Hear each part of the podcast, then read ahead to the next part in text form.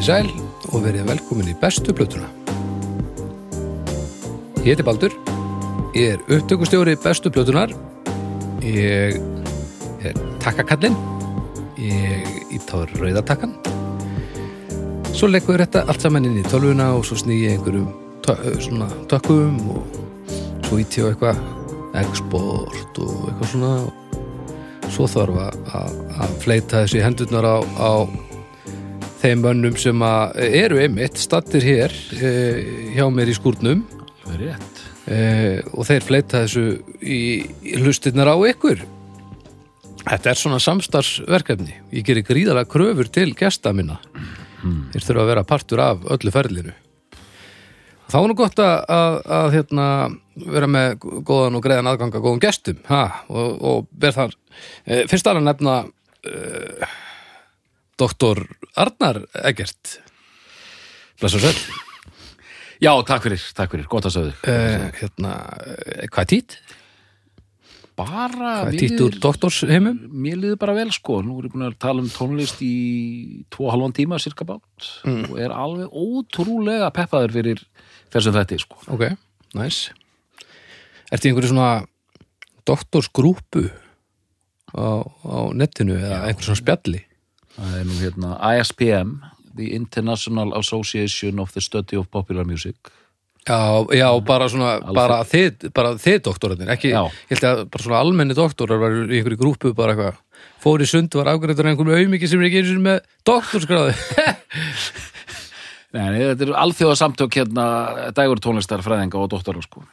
já, og er brjála, er eh, mikil reyfing á, allt brjála, allt vittlust að gera sko. hérna, það mér sé búið að stofna samtök eh, hérna fræðimenn sem einbytta sér að tölvuleikja tónlist já, það er verið að blása í, í hérna rástefnur og tímaritt og allt þetta sko herðu, já, ef það er einhverju hlusta sem er að, að hérna, búti töluleik og, og vantar músík, ég skal, í djöfull held ég að vera góður í að búti tónlistur töluleiki. Þú mætir bara þarna á rástefnuna og Ég hef synt hvoru tvekja mikið mm. og hef skoðun og hvoru tvekja og ég hanna held ég að vera heima velli sko. Ég veit hvað þetta er mikilvægt sko. þetta er málið sko já Hanna, já, þið, þið vitið að mér hérna Já. þið, hérna, ég skal, ég skal pizza, pizza þetta er sko það ekki? jú, ég pizza þetta það er um að gera ég, ég, ég bý til, bý til einhver lög um, Haukur Hæ, hvað segirðu? fínt bara Ég myndi líka, ég, ef ég var að búið til einhvern svona hoppið í skoppið í töluleik, þá myndi ég heyri þeir. Já, svona svona eitthvað hoppa á svepp og stakkaðaleg Nei, nei, nei, nei, það er það væri stuldur. Ég er að eh, hugsa um að búið til töluleik sem er um hérna, það eru tvær systur sem inna hérna, það eru Rafvirkjar. Rafvirkjar. Já, og það eru hérna það eru fara á Fraklandi og já, hoppa á bagett og, og þá hérna þá lengjast þær já. og hérna þetta er, þetta er, þetta er alveg groundbreaking dót sko. og ég veit ekki ég ætla ekki að gefa hann einar hugmyndir en lagi getur verið einhvern veginn svona þetta segir mér sér sjálf eitthvað svona mikið kannast ég við þetta stefna nei og já, þetta er þessi bara hittari. Mér finnst mér er svolítið fyndið sko. Nú er nú er Baldur búin að í 30 og eitthvað þætti alltaf búin að svona bæta í svona þetta er minn þáttur. Gestir mínir, svona eins og hann haldið að fara eitthvað í töðunar okkur. Mm. þetta gerði bróðin brjálaðan sko. Mm. en ég held að okkur sé alveg sama sko. Já, þannig að þú veist, ef þetta er eitthvað álag þá vil ég bara vitir að þú þarft ekkert að, að gangi í gegnum þetta sko. Álag? Við vitum alveg að, að, að, að þú veist, ég myndi ekki segja að besta platan verið mikið álag á mig sko.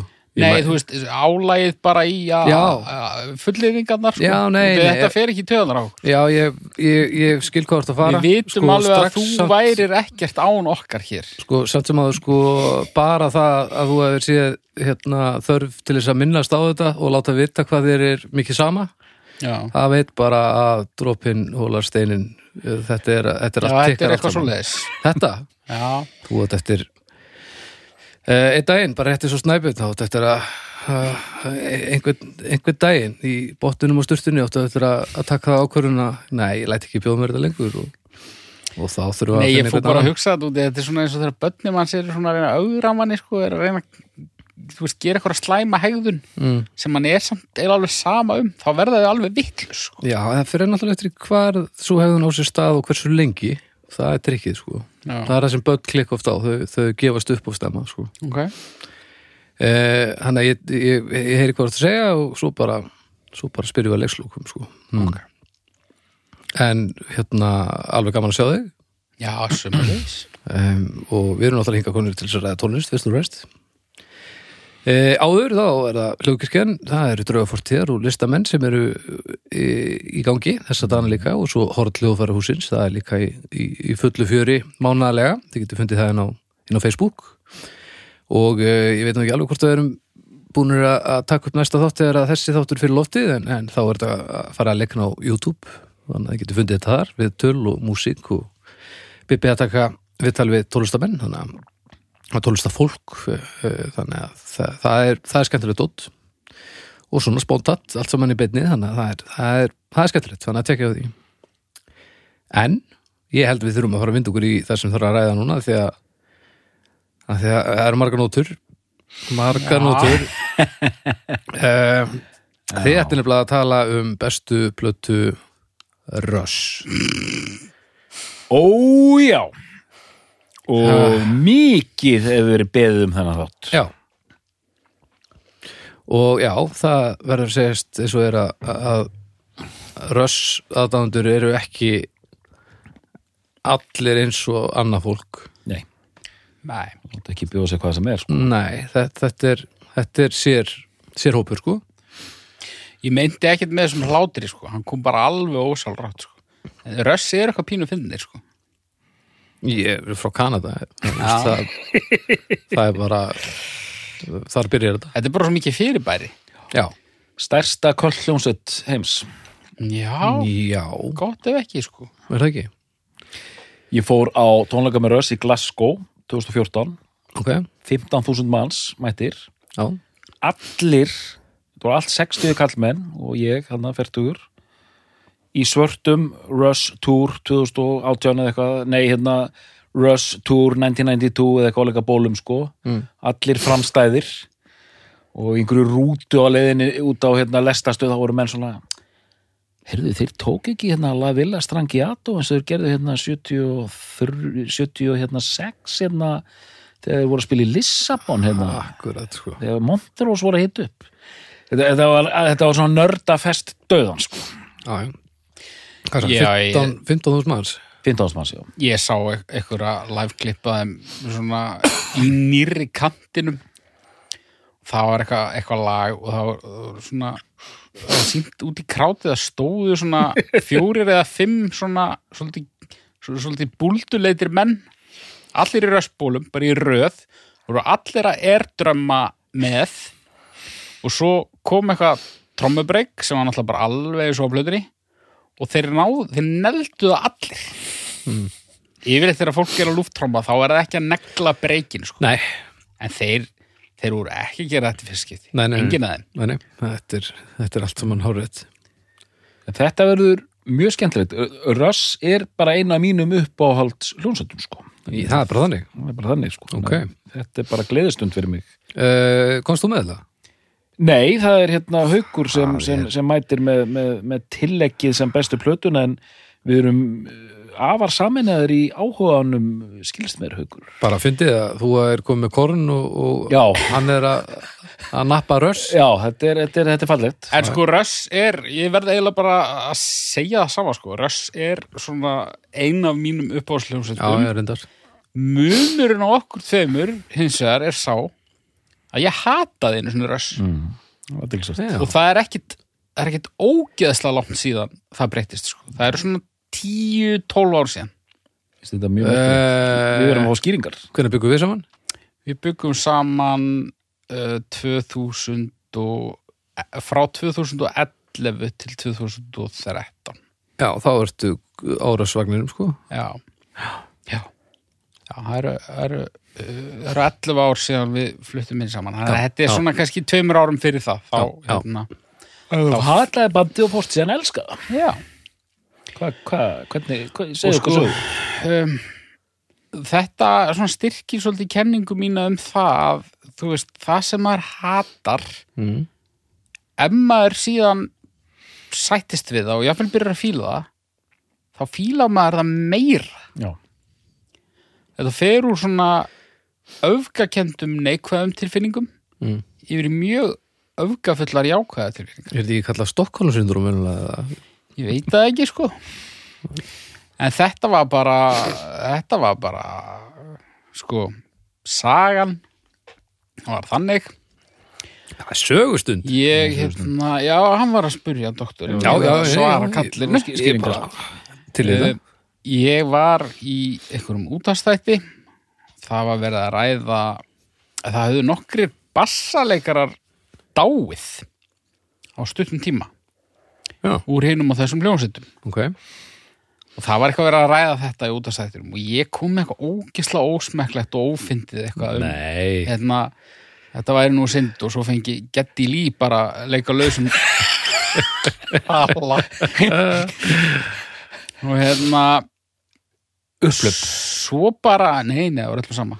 Nema yngvari nokkrum valgersinni Jú. uh, eitt sinn kendum við uh, kendur við uh, tónabúðina. Já, hann sendi mér skilabóð á uh, Messenger eða MSN það fer eftir hvert árið var. Já. og hérna skammaði mig.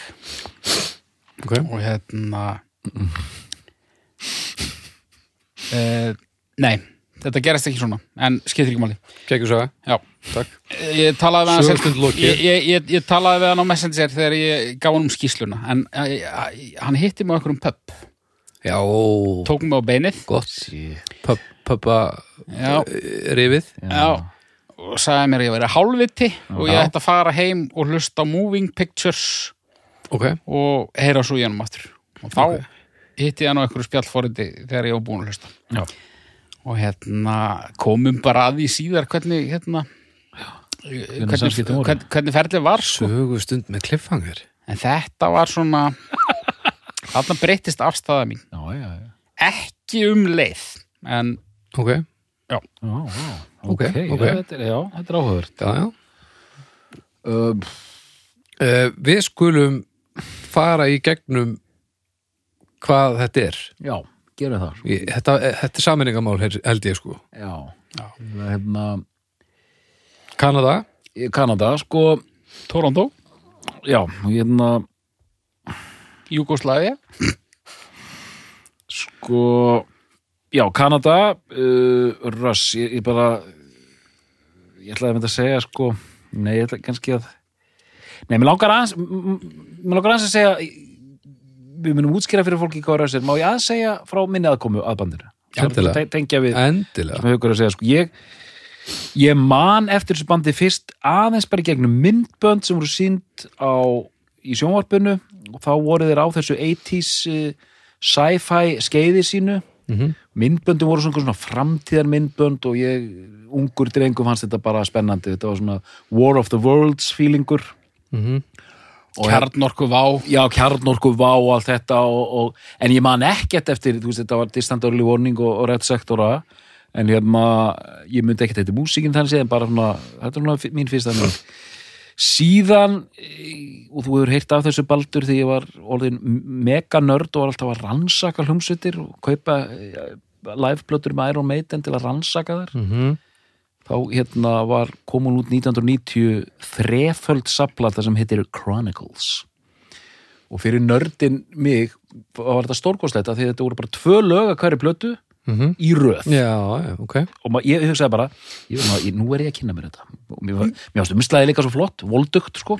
Já, og ég bara byrjaði að hlusta 16 ára gamall og bara hlustaði og hlustaði og hlustaði og bara, bara fór að dýrka þetta bara allt saman sko. og umíkja bróður minn við hliðin á mér að reyna að hlusta á Sonic Youth bara var að vera vitlu sko, á þessu kanadíska nörda progrocki sem glumdi úr, úr, úr herberginu sko.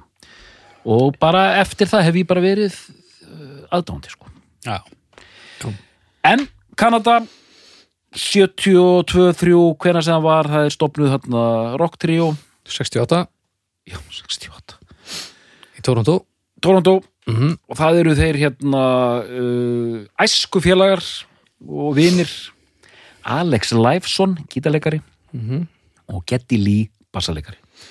Og á þessari fyrstu plötu sem þeir gefa síðan út er þrómmuleikar sem heitir John Rutsey hann hætti og Neil Peart tók við á næstu plötu eftir og þannig var tríóið til enda. Já, hérna stendur bandið stofnað 68 Alex Lifeson já Getty var ekki alveg þetta í byrjun John. Rutsey og Jeff Jones sem Já, já. honum var hent út fyrir Getty Já, já, það er öllum saman strax, já, ok, Jeff má fokka sér. Já, já, sko nefnum staðar. Ég held að eitt sé mikilvægt og við gerum þetta líka í hérna síðasta þetta með númetalin áður en lengra verður haldið þá langar mig aðeins fyrir fólki sem að kváir þegar það heyrir talað um progg. Mm Dóttor, take it away. Hvað er progg? sko Russ hérna var með marga hatta og hérna og það sem er svolítið merkilegt við Russ er að þeir byrja í svona straight Zeppelin rocki bara svona hard rock eitthvað. Já svona hard rock sko. Og, en verða síðan gríðaleg progsveit já, í rauninni eftir að blómaskeið progsins er búið. Þetta er, eh, þetta er eitthvað kanadist sko. En prog er stýtting á progressive rock og prog rock hóf í rauninni þegar bítlarnir ákvaða að gefa út Sgt. Pepper og búa til alvarlega pop og rock tónlist mm og pop tónlistamenn fóru að, fóru að heimta það að vera teknir alvarlega. -hmm. þá fengu allir þess að flugu höfuðið að fara að gera alvarlega músík og fyrir en varði voru komnar út plötur með 20 mínútna lögum 30 mínútna trommusólóum Mhm. textum um hérna upphá og endi alheimsins og allt varð rosa svona strúka sér höguna Mhm.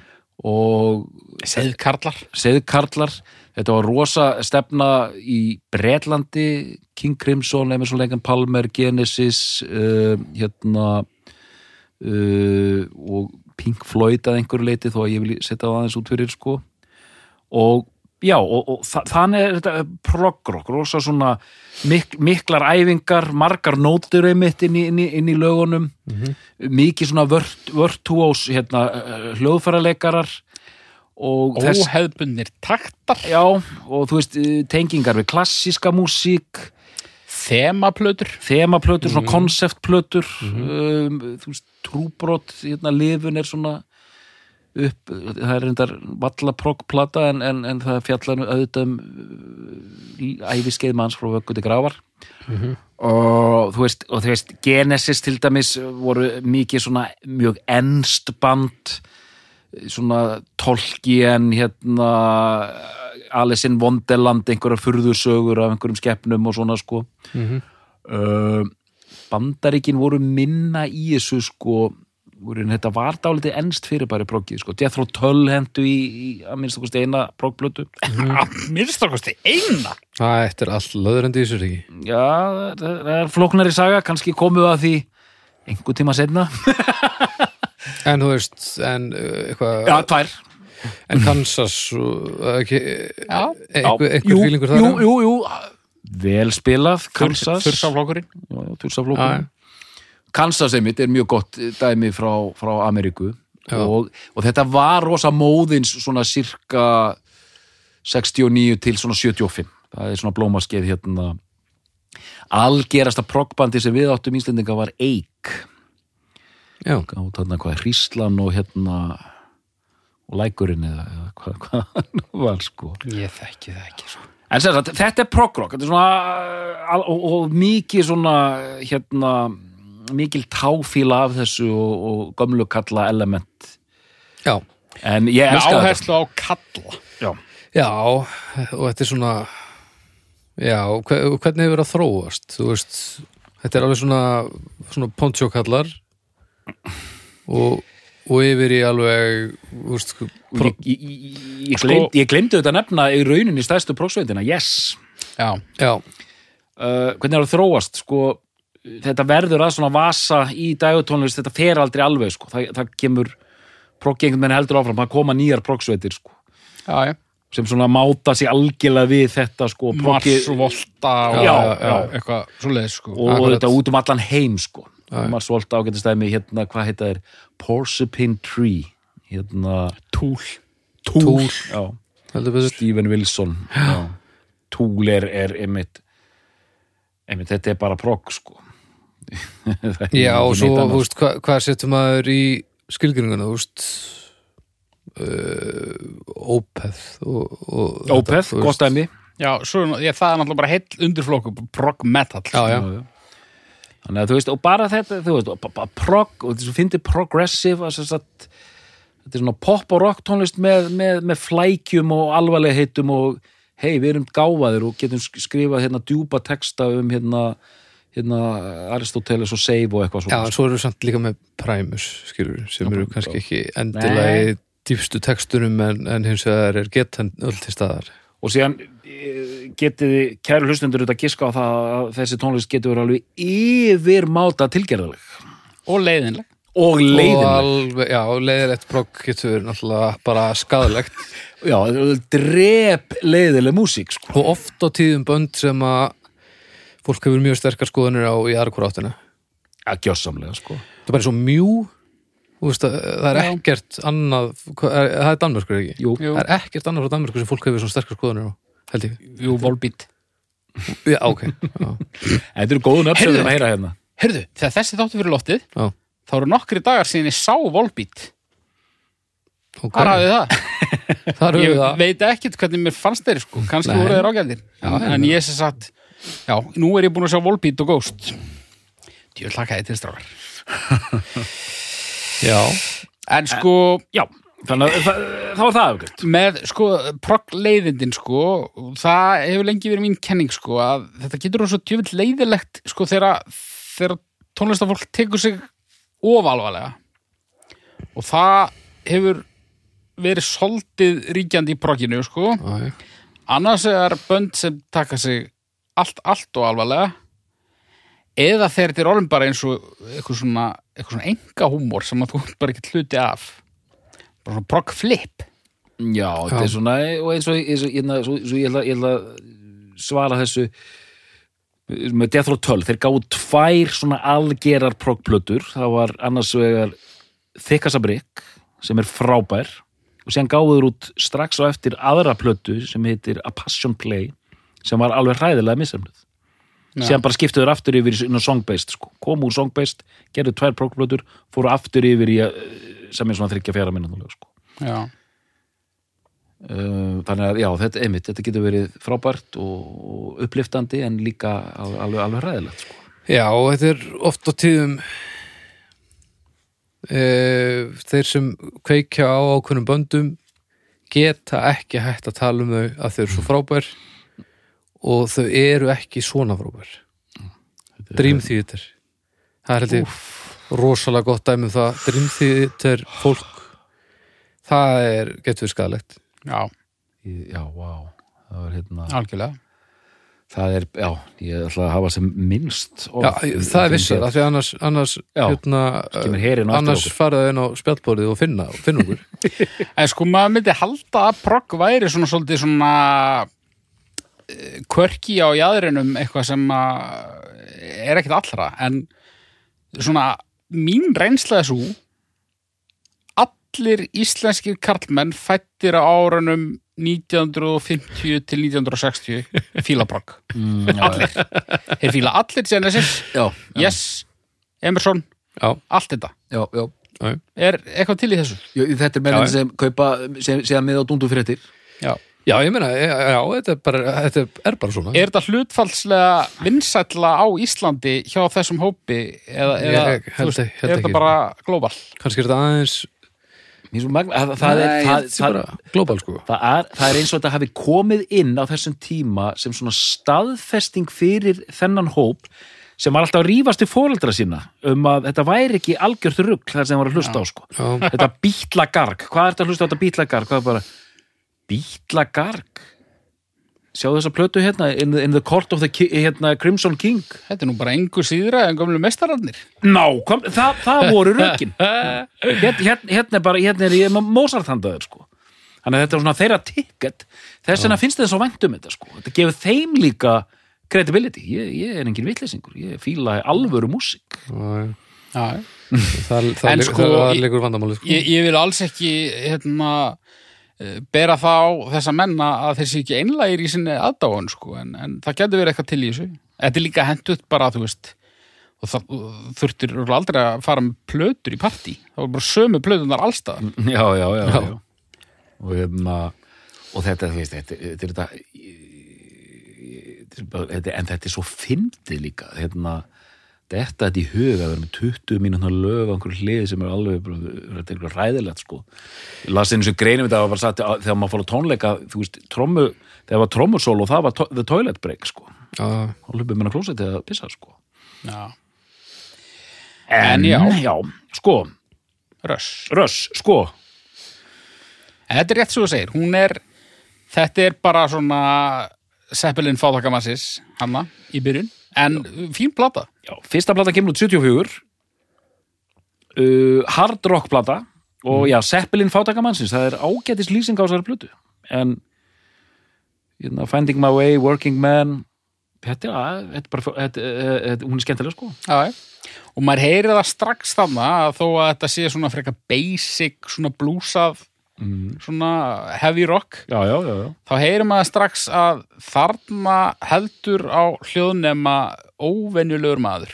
Já, já, Getty Lee. Þetta er nokkur lí hann er hérna foreldrar, foreldrar hans voru bæði pólskir gyðingar sem lifðu helförina af. Mhm. voru held í bæði í Dachau og Auschwitz. Já, ok uh,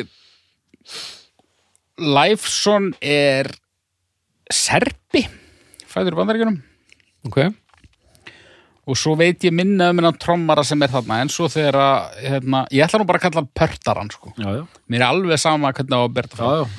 gerum það bara hann er bara straight forward Kanada sko en hérna Pörtaran. ekki að fara bara beint yfir í það, það line-up sko. algjörlega hann er strax á fyrstu plötu líka nei, nei, nei, hann er á hann stó- kemur á Fly by Night. Er það? Já. Ok, og, og svona harði rössmenn uh, telli oft fyrstu plötur ekki með sko. wow. Það er ekki röss eða ekki pörtarinn. Nó, þar, já.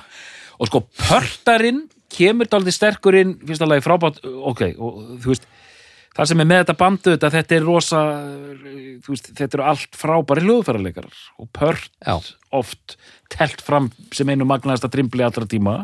Mátt samt alveg segja Peart sko. ég, Nei, ég, að ég er hérna, Pert. já, ég, sko ég Pert, hann heitir Pert já, hö, ertu með pört? Þú ert pört. Já sko það á að segja Peart já, en það er bara svo asnalegt. Já. Pert við erum íslenskir og við sem er bara heitir ég held, ég held mér þess að ég held að sé alveg örgulega sé pýrt. Það er það. Já, ok, það er það, en við höfum þetta pört. þeir voru í einhverju heimildamind þá voru þeir bara, það var bara kennsla. Hvernig á að byrja þetta fram? Og hérna, þetta, þetta grínatriði sem ég sendi er, horfður á það? Herru, ég glemdi því maður. Þá eru þeir hérna leikarar, Jason Segel og hérna, og hérna, hérna, Paul Rudd. Mhm. er að grínast hérna og þá eru þeir einmitt að grínast í, heitir ekki Neil Peart? Hann, já, nei, ég heiti Neil Peart. Það Are, er are, are you sure? það er örgulega það sem ég er að tala um Já, are you sure? Bara, I, I think he would know. já, Herru, pörtarinn, sko, segjum bara pörtarinn hérna, til að hafa þetta einfalt um, hann, hann, hann kemur inn og trommar eins og, og, og, eins og djö- djö- djöfullin sjálfur en byrjar líka að semja texta fyrir, fyrir sveitina mm. og ég vil nefna það því ég var að tala um að það hefur löngu setna strax á þessari plötu sem kemur út 75 þá, það eru svona rockarar hérna en þeir eru byrjaðir sko að semja svona hérna er lag sem heitir By Tor and the Snow Dog og það er í þremur hlutum. Það er svo gott lag. Þannig að þeir eru byrjaðir á þessum progg hérna pælingum sínum. Ok, og hann er hérna textasmiður bara allan fyrirlinn ég held hann semja alla textana ok. Og hann kemur bara inn með þetta þessa proggvillessu sko, var bara Já, já, baða sig í einhverjum hérna, seðkarla bókmentum og Já. Já, þetta er allt frá honum sko. ok. Og, hérna, og tekur og naskur tekstasmiður og tekur skrifar alls konar skrifar um alls konar hluti sko, sem við komum að, að, að setna en, Ok, en þessi plata hérna, Fly by Night þú veist, Anthem er geggjalag sko um, en sko þær eru Fly by Night er líka æðislegt sko Já, en uh, þú veist, hún er líka hún er dál, eða hvað segir þú? Þetta er köflótt sko maður er bara svolítið að þetta er bara svolítið eins og þú ert á tónleika og þú ert að býðast þér uppbytun að bandi sér búið sko. þú, þú ert að býða eftir að, að hérna, þú ert að býða eftir aðalréttinum Já. þessar plötur eru fínar sko, en þetta er ekkert sem fer á fónin oft sko. nei og þegar við komum að hérna, sko 76 kemur platan Caris of Steel. Ég las einmitt mjög langa grein um hvernig þessi plata var til. Þá eru þeir komnir út í öngstræti kallanir sko. Ok, þriðja platan þetta er ekki að seljast þeir eru ennþá köplóttir það eru góð lög hérna. Bastille Day, stórkoslegt, Lakeside Park. Mhm. og, hérna, og, og nefnu það að þú talaðan Getty Lee. Hann hefur einmitt verið hefur, hefur verið hafður að háð og spotti fyrir þess að sérstöku söngur honum liggur mjög hátt rómur. Mhm. Brian Molko á helium gasi Þannig að þarna eru þeir einmitt, komnir í öngstræti hérna á Karis og Stíl. Og þú veist, hún er bara eiginlega, jafnvel bara daldið slöpp sko, en svona nokkur standa á lög. Þannig að nú þarf að endur hugsa þetta, hvað eigum að gera strókar? Hugsaður, hvað? En þeir eru samt alveg komnir á label þarna. Já, já, þeir eru ennþá að gefa út bara á Mercury, var það ekki? Þannig að þú veist, en þetta er komið, þeir eru komnir út í make or break. Það er bara make or break. Ok, Hvern, hvað við að gera strókar? Og hvað gerir þeir? Þeir hlafa í konceptplötu sem heitir 2112 Mm. og það er koncept frá upphafi til og, hérna, það var mikið gríngert að byggja country hérna á dögunum fyrir, hérna, fyrir, fyrir klæðnað Já. hérna fáum við margar flottar myndir sko þetta bara er svo- rosalegt. Þetta er eins og bara abba á einhverjum slæmum eitulugum Þetta er svo uh, Abba, ef Abba verið djútasprýst.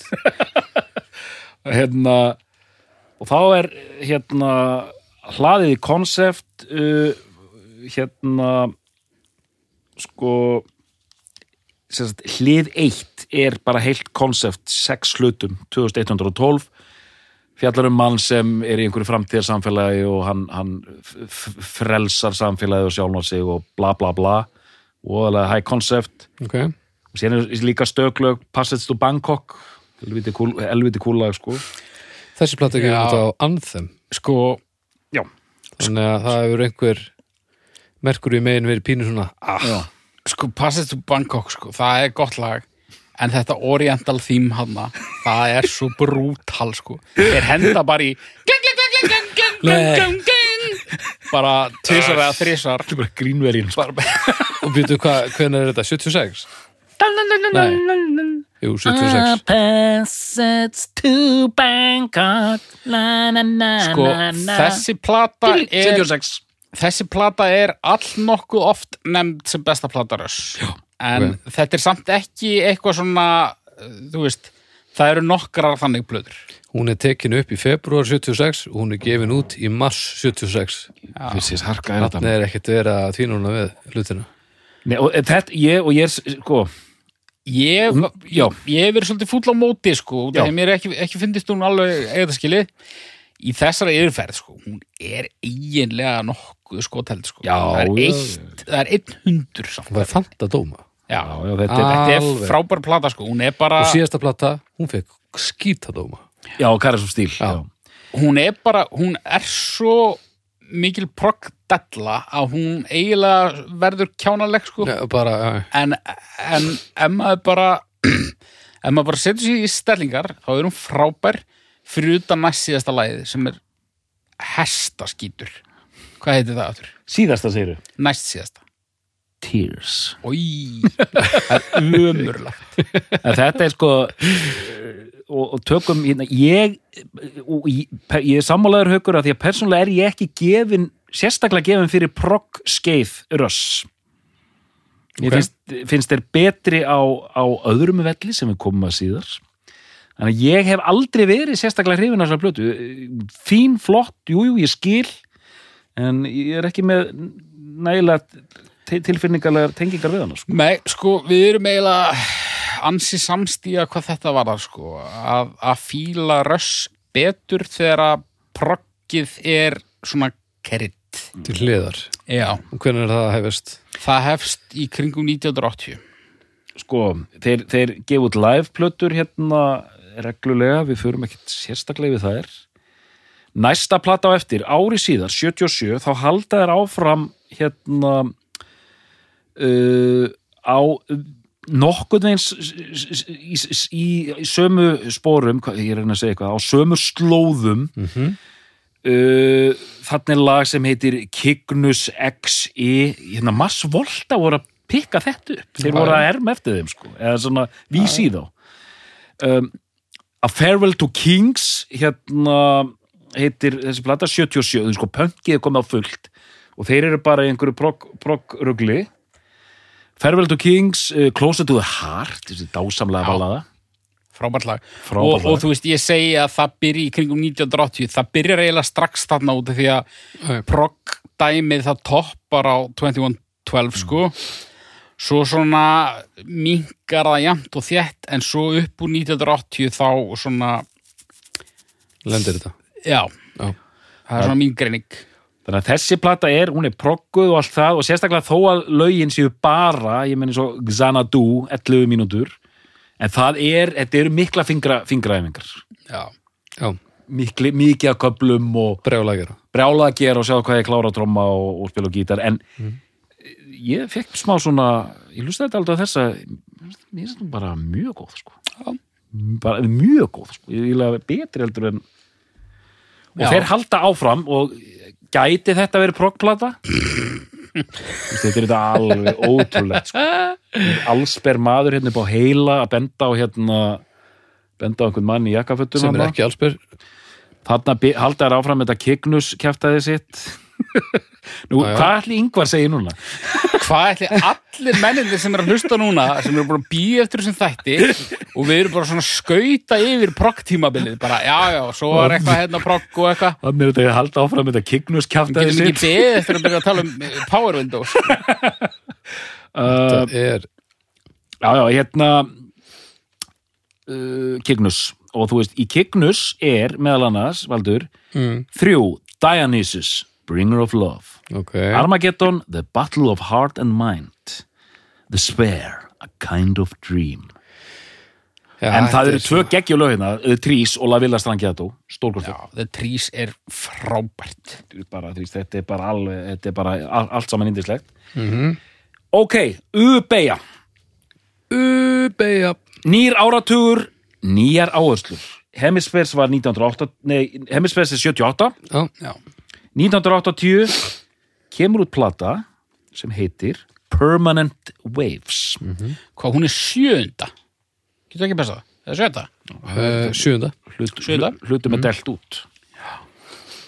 Já. Hérna er, maður sér það nú bara á, sko, bara fontinum meiri segja, það er, hérna, það eru breytti tímar. Já. já, Uh, Skiljum þetta við okkur. já, sko, ég myndi Og segja... við skiljum það ekki alveg við sig. Nei, nei. Ég myndi segja sko, þarna erum við að tala um algjört one-two punch. Já. Spirit of Radio, fyrsta lagið. Það er svo gott, gott lag. Og vissulega er það progg. En það er líka svo miklu meira, sko. Byrju hvernig spiritur radio? voru að, voru að velta fyrir hvort það væri progg hvernig er það aftur? En svo þetta er bara í, og þetta finnst mér, sko, þetta er líkil orð í því af hverju mér finnst Rush skemmtilegt þrátt fyrir að mér finnst proggleðilegt og það er það að Rush þeir grúfa. Já, já, já, já, Þetta er smekklegt. Og þú veist, þeir grúfa meiri segja á brokkplöturum Mhm. En sko fyrsta lagið svona burt sig frá progg intróinu þá er þetta lag bara grúf hundur. Já, já, þetta er hérna Spirit of Radio og þetta er svona pop lag, hvað er það langt, má sjá? 458 Já, þú veist, þetta er og Free Will er líka bara svona lag, en það komir svolítið óvart það vo- var of mikið progg en með myndi, sko. Þannig að Jacob's Ladder. Ég, ég var ekki alveg, alveg með, með það þannig, sko, en, en One Two Punchið er alveg bara Spirit of Radio og Free Will eru bara klikkuð lög, sko, geggjuð. En uh, já, þá dregur heldur við til tíðinda. Ok, við tölum stundum um bólaval hér í bestu plöðuri Já. og sagt, eh, ég tefli fram algjöru bólavali hér ok. Plötunni Moving Pictures. Já, það er bara þannig. Já, Ok, frá árinu 1981 mm það er bólavalið, alveg absolutt sko. Mhm. Uh, ég get reynda raukstiðja þetta val en sko þessi plata er fyrir það fyrsta, hún er nökralaus. oftast nefnd, sko. Mhm. já, ásamt tveir, eitt, tveir. Já og ég með þetta er eiginlega besta plata röð sko þráttur að ég sé með stæla sko Já, sko, þetta var ekki alveg þetta var ekki alveg augljóst frá byrjun, sko. Ég hefði jafnvel ekki valið hana ef við tekið hennar þátt strax átti latta þættinum, sko. Já. Hérna, uh, en hún er bara, mér finnst hún einhvern veginn, fyrir utan það að öll lögin á hún er góð, þá er hún einhvern veginn, hún er svo, hún er svo góð brú á milli tvekja tímabila.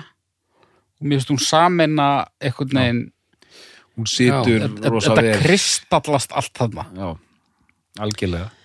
Svolítið progg, rosa pop, katsi, rockar, grúvar, reggi, reggi, oh, svona pólís pólíspælingar sko sko, við verðum að eigða svona já. hálftíma í síðasta lagið, sko. Úf, og það, já, þá kemur að næsta lið í sögunni sem ég byrjaði á aðan. Ég fór sér satt heima af pöfnum Mhm. eftir skammirnar og, og hlusta á þessa plötu og var svona, já, jú, ég hef nú heyrt þetta lag, þetta er nokkuð gott, já, já, Ufslun, Ufslun Seta, hef nú spilað það eins í Guitar Hero, eitthvað Mhm. þetta, ég veit ekki við þetta og svo síðasta lagið Vital Signs Mhm. og það var ljósa perum momentið sko. Guð minn góður hvað það er gott lag þú horfir á mig eins og sett mjög ósamála nei, nei, nei, nei, nei, ég er bara spenntur að heyra, heyra, heyra útleggingan nei, þú veist, ég er eiginlega bara orðlaus sko. ég er bara, ég, ég hef í raunin ekkert að segja sko. Nei, nei. þetta er svo, þetta er svo en, já, ótrúlegt lag já, já ég, og eins og þú segir, Pólís alveg klárlega, Mhm. mikið ekki en þú veist þessi bassalína mhm, Dú-dú-dú-dú-dú-dú-dú. og þú veist þarna eru að detta inn svolítið að synþum mhm, mhm. sem munu koma meira við sögu síðar ok en ég hef aldrei tengt svona harkalega við, við vætalsæn sko, ég, ég við ekki með það sko. Og það er bara enn í dag bara langmest uppáhald hjá mér. Okay. ég tótt þetta bólur innan plötunar mér finnst þessi þekktustu lög öll bara stórkostlega sko. Bara svona um Vital Sense, Classic Rock uh, hérna, readers uh, þeir sem lesa Classic Rock kusu Signs sem 3007. besta lag Röss ok. Ég er tilbúin að Kaust þú það? ég, ég er tilbúin að sko afsala mér öllum mínum eigum til þess hlustenda þess hlustanda, Já, nú með hvað var það? 37 sem getur nefnt með 36 lög sem eru betri en Vital Signs.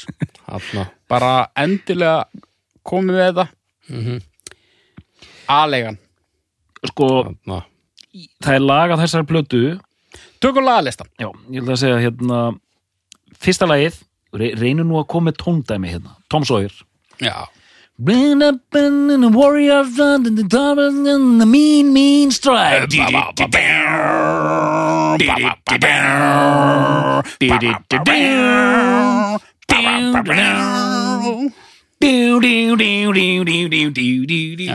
Þetta er nú bara þeirra Smá progg þekktasta lag er Já, jú, jú Na na na na na na na La la la la la la la la No reason di, di, di, di, og svona, di, di, di. svona, svona hæfilega proggað Já, já, Já. Svo miðbyggið. Létt prókað Svo miðbyggið Allt proggið Já,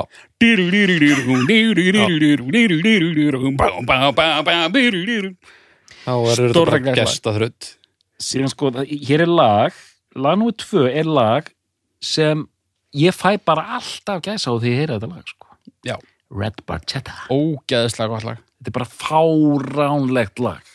Okay. Uncle had a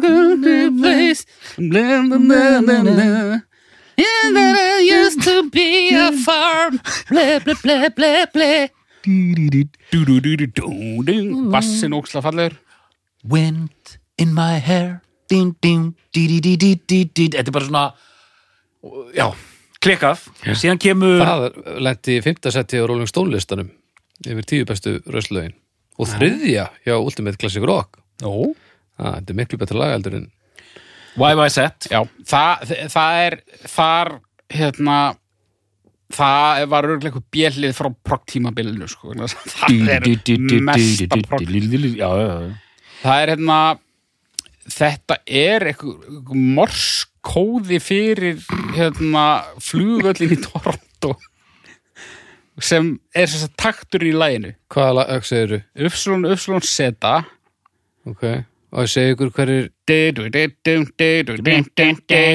Já, þetta er þess að morskóðin fyrir Ufslun, Ufslun, Seta og ég segi ykkur hver, hverjir hafa kofrað þetta? Primus Godsmack líka. Já, þetta er alveg í síðasta þetta ykkur þegna en já, Primus líka, vissulega. Jú, jú, Primus og miklir Dream Theater, svo svo og Muse Limelight. En, en sko Ufslun, Ufslun, Seta það, það er alltaf kjánalega mikið progg en það er ógæslega skemmtilegt. Lag. Já, já, Þetta situr allt vel þetta, Hún rúlar svo vel, platan sko. Limelight.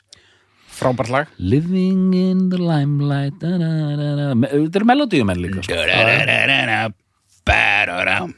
Þú veist, já. Kamera Eye Já, það er svona þá, sko eh, er það ekki þarna tvískipta lagið? Jú, Já, smá koncept. Já, mér finnst fyrri hlutina því já, jæðrar við að vera rung, sko. En svo færist fjör í leikana. Þegar þú kemur til, frá New York til London. Já, er það þannig? Já. Ok. Svo er bara heldur tölu á eftir. Já, Witch Hunt. Já, og Vital Signs Læ- Lagið þitt aukur Ég mun aldrei glemma þessu. Sko Ég mun alltaf hugsa til þín þegar ég lusta á þetta lag. Þessi bassaleikur sko, ekkert bara þessi aðal bassalína heldur bara allur bassaleikur, þetta er fáránlegt lag sko. bassasándi líka trommusándi, þetta er svo skerandi og þetta er, þetta er svo dásamlegt sko. uh, á einhverju tímapunkti þurfa að tala um sándið Já, já. Þetta, Eh, þetta þek- kemur allt í hús. Já, sko út af því að mikið af þessum röstplötum sándar rosalega undarlega Ok, og það er búið að rýmast þetta og eitthvað en þú veist þess að þessi plata þú veist, þetta er útlára svo þund sánd en þetta er líka ekkert frægir prodúserar meimi, þetta er bara einhver nonni frændi og Þetta er eitthvað bara nonni frændi í Toronto sko. Terry Brown. En sko, þe- þetta hljómar alls ekkert illa. En þetta hljómar bara svolítið spes og þú veist, ef þú ert að leita eitthvað svona kjötuðum botni og eitthvað, þá áttu að hlusta á eitthvað annað. En sko ég er ekkit einu sinni vissum að þó þetta er því remixa og masterað upp og nýtt með eitthvað þannig sándi að það er endilega til bóta sko. mér setja alveg bara svona hluti af þeirra sándi þeir fyrir að taka heila plötu hérna í 2000 og, og remix hana alveg upp á nýtt. Já, já, já, já, Vapor Weber Trails. Bara, eiginlega bara, þeir bara fóru aftur tilbaka bara þetta voru mistök sko. Já, bara endur ljóflöndaðana En sko uh, og núna langar mig líka að minnast á eitt sem við höfum ekkert minnst á. Og við Ok. ekkert svona sérstaklega að tala um hvað þeir eru góðir spilarar. Já, en náttúrulega pörtarinn hann er maður sem er þú veist allir trommarar nefna hann sem áhrifavald basically, allavega rocktrommarar. Og ég skildi það aldrei með bara einhver astnalegu gaur í astnalegu bandi með astnalegan hatt. Hvað er samt málið með hann hatt? Og asnalegan, asnalegt skegg. Já. Ível skegg en hérna en ótrúlegu trommari og svona ótrúlega að gera flókna hluti en hann er samt alltaf svo slakur sko. mm. glúrin glúrin. Glúrin. og svo erum við með Getty Lee sem er rosalega góður bassaleikari eh, gerir rosa mikið já, já, já, busy, busy, busy með svona þetta einkennandi sound eh, ekki, ekki Rickenbacker eða eitthvað Ég var ekki ég held það. Og þú veist, hann mjög snemma hættir að hérna þú veist hættir að nota magnara og fyrir bara að spila direct sko. Bara mjög Já. snemma. Uh, á sama tíma er hann að gera uh, spila á hljómborð þú veist. Og þá er Hann að fendir bara jazzbass mikið. Ok, ég þekki ég, Jú, hann er líka Já, já, Rickenbacker en sko hérna Man eftir hún meira myndavæs á Rickenbacker sko. dettur í hljómborð og tekur þá bassan á sama tíma uh, með ykkur fótstíi Já, á sama tíma og hann er að syngja og bara er að gera eitthvað fáránlegt sem er bara ekki hægt að gera. Og þetta er allt gott að blessað en mér finnst svona mér finnst X-faktorinn vera Lifeson mm mér finnst hann vera svona sálin í Já, bandinu. Já. og mér finnst það eiginlega skína meira í gegn á 80s tímabili já, já, þú veist, þegar hann er að gera proggið og svo ég tala um bluesrocki þarna fyrst jú, jú. þá er hann minna einhvern veginn einstakur. Já, allt rétt. En í 80sinu bara frá og með eitthvað Já. þá er hann bara að gera eitthvað kjaftaði sem að er stórfenglegt já, ég, ætla, ég, ætla, ég get tengt alltaf vel inn á þetta sko ég ætla, má ég það? já, Já, en meira? ja, nei bara, þú veist, mér er svo magnað þú veist, hann kannski byrjar lag á einhverju riffi Mm svo koma hinir inn hann fyrir bara að gera eitthvað bull. Bara, mér finnst hann eiginlega bara að vera nýbylgjur okkar sko. Já, já, já, já ég, hérna, það er einmitt það sem hann fyrir að gera hérna í eitisinu sko. Hérna, ég ætla að nefna það er, maður henda aðeins þú mátt bara take it away sko. af því að hérna ég tefni sagt, þessari plötu fram sem bestu plötu Ross. Næstu já, næstu plötu. Og sko Ok. ne, nei, ekki tilfinningarög sko, ég myndi bara ég, ég vil bara taka bara þetta, mér finnst þetta að vera besta plata Ross búin að hlusta gríðala mikið á þessa plötu. Ok. Hér er sem sagt endanlega stíið algjörlega inn í eittísið proggið er endanlega tekið alveg í burtu þannig séð. Sem í þessu sammingi því er samt ekki það er samt progg, progg, progg Nei, þetta er bara svona, jú, sko, lögin hafa aldrei verið jafn svona kompakt fytu skorin og bara svona eðlileg poprocklög og á þessari plötu. er þetta bara New Wave með pínu bara Já. proggi eða New Wave með, með smá proggi, sko. Hérna, já, það er kannski, það hel, er eitt lag sem kannski kennst nálætti er hérna The Weapon, sko. Það, það er bara aðalega þá að því að það er aðeins lengra en hinn lögin, sko. byrjunin á hérna, Subdivisions er nú alveg brokkuð sko. En ég skil samt átt við Já, og veist, og það sem þetta, nú, nú þurfa, hérna, það sem situr eftir að proggi, nú ætla ég að setja þennan gæsalappa, er að þetta er auðvitað þessi hljómsveit að gera svona tónlist. já akkurat, akkurat Þú, þú veist, þannig að, þú getur tekið hérna, drengin úr progginu en þú tekur proggi ekki úr drengin ja, nákvæmlega, og, og, kennir ekki gömlum hunda progg ekki? Já. og, og það sem gerist þarna er að ég veit ekki um neitt annað dæmi bara í, í, í rocksögunni, að þarna kemur 70s band sem búið að vera að gera bæði svona Zeppelin rock og bara svona basic prog Mm. nær að go, go with the times. Þeir bara ok. Já, er þetta alveg bara það samfærandi já, þeir bara ok, byrju, hvað er að gerast núna? Þú veist, umslægið, þetta er svona 80s-legt umslag. Finnst þér? kannski fyrir utan leturgerðina í röss. Já, Shit, maður. Hérna, þetta er svona, og þú veist, þetta þetta er hérna sci-fi elementið og þetta, þessar myndir hérna. Þetta er svona Blade Runner hérna enda, þetta kom út 82 Framtíðin er bráðum, 98 já, já, já það, það, þeir eru með þetta. Og lögin eru þannig sko. Þú veist, eh, þetta eru lög sem heita The Analog Kid Digital Man ó, það er svo gott lag. New World Man Chemistry. Veist, þetta er allt svona voða svona.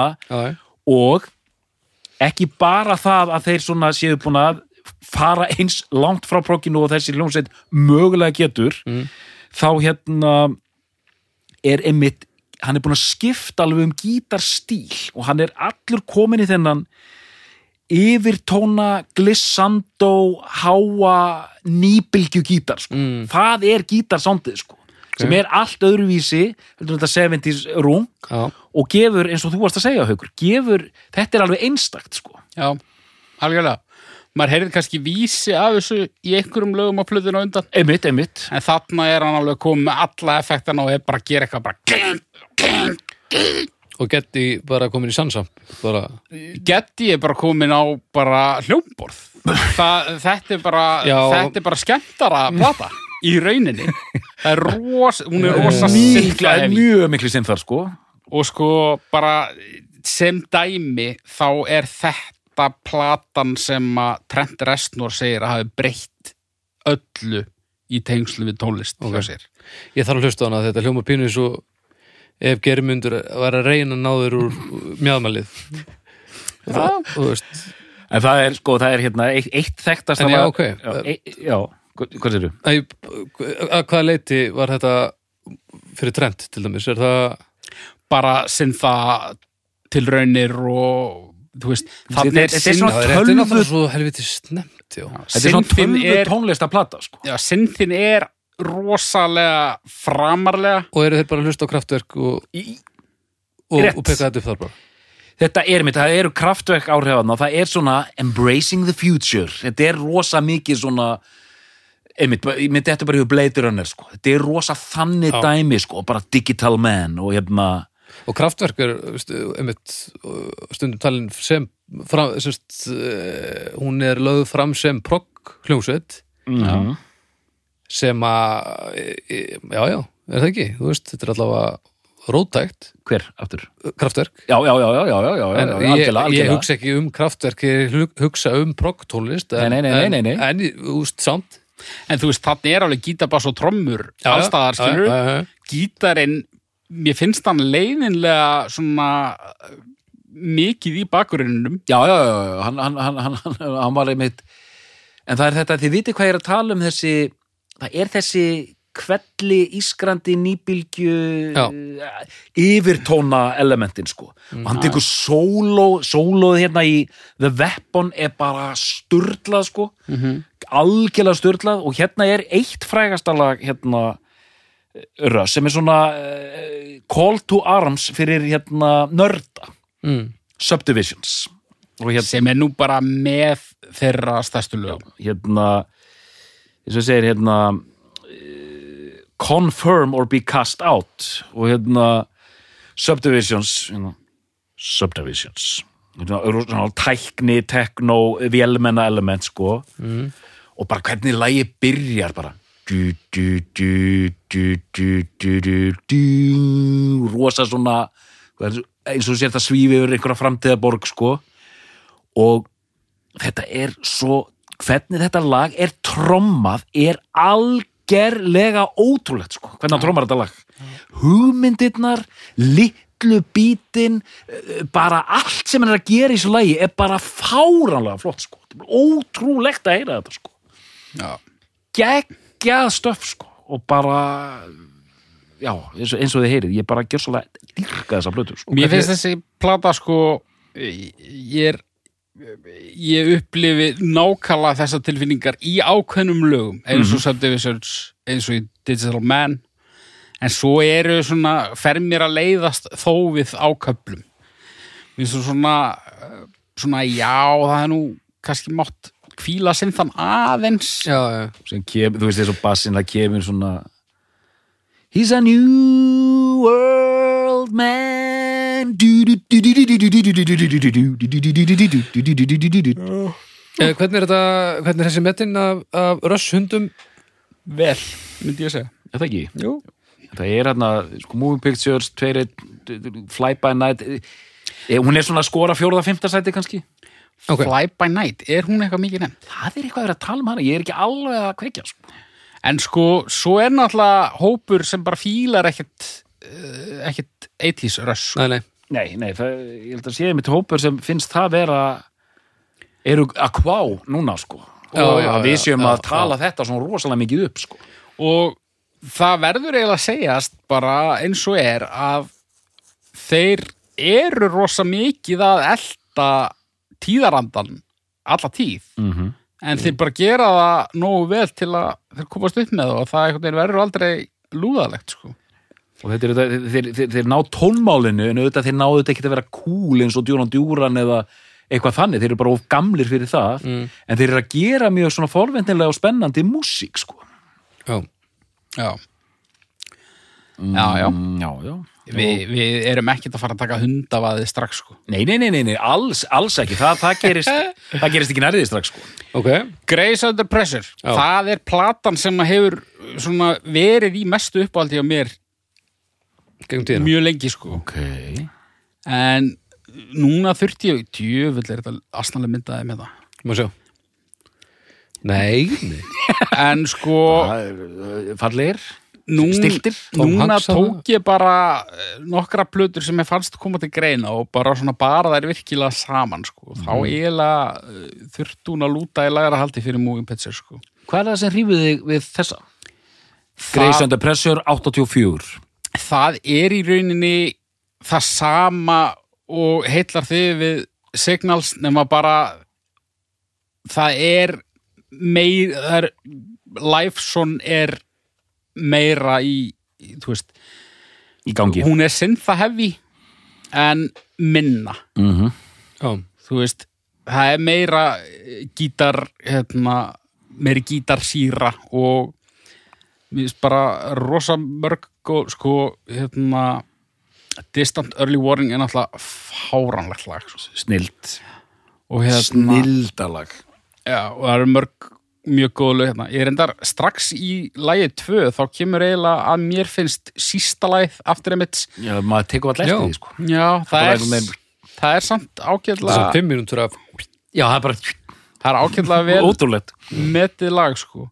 Okay. og svo er, þú veist það er ekkert svona æpandi hérna hittarar eða brjálæðislega eftirminnilega lög þegar ég les sko lagalistan en mér finnst nú rúla ótrúlega vel og Já, já, já, já.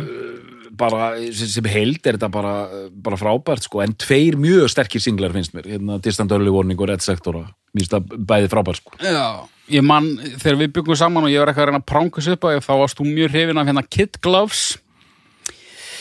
Uh, Já, vá, ég var búin að glemma því. Býtum við það er hérna, ég kann nú ekki að syngja refið það er svona e- e- eitthvað skrítið. En hérna bara mjög stöndug plata og kannski þú veist uh, kannski etsar Moving Pictures þetta bara á svona eftirminnileika Já, og svona en, en þessi rúla rosa vel sko. Moving Pieces er einhvern veginn svona einmitt, hún situr algjörlega í miðjunni á það, það er verið að kveðja proggið en það er verið að fa- umfama þetta nýja sko. Mm. bara góð lög líka. En sko nú eru tíðindi. Okay. Grace, hún dettur ekki úr toppsætinu í annaðsætið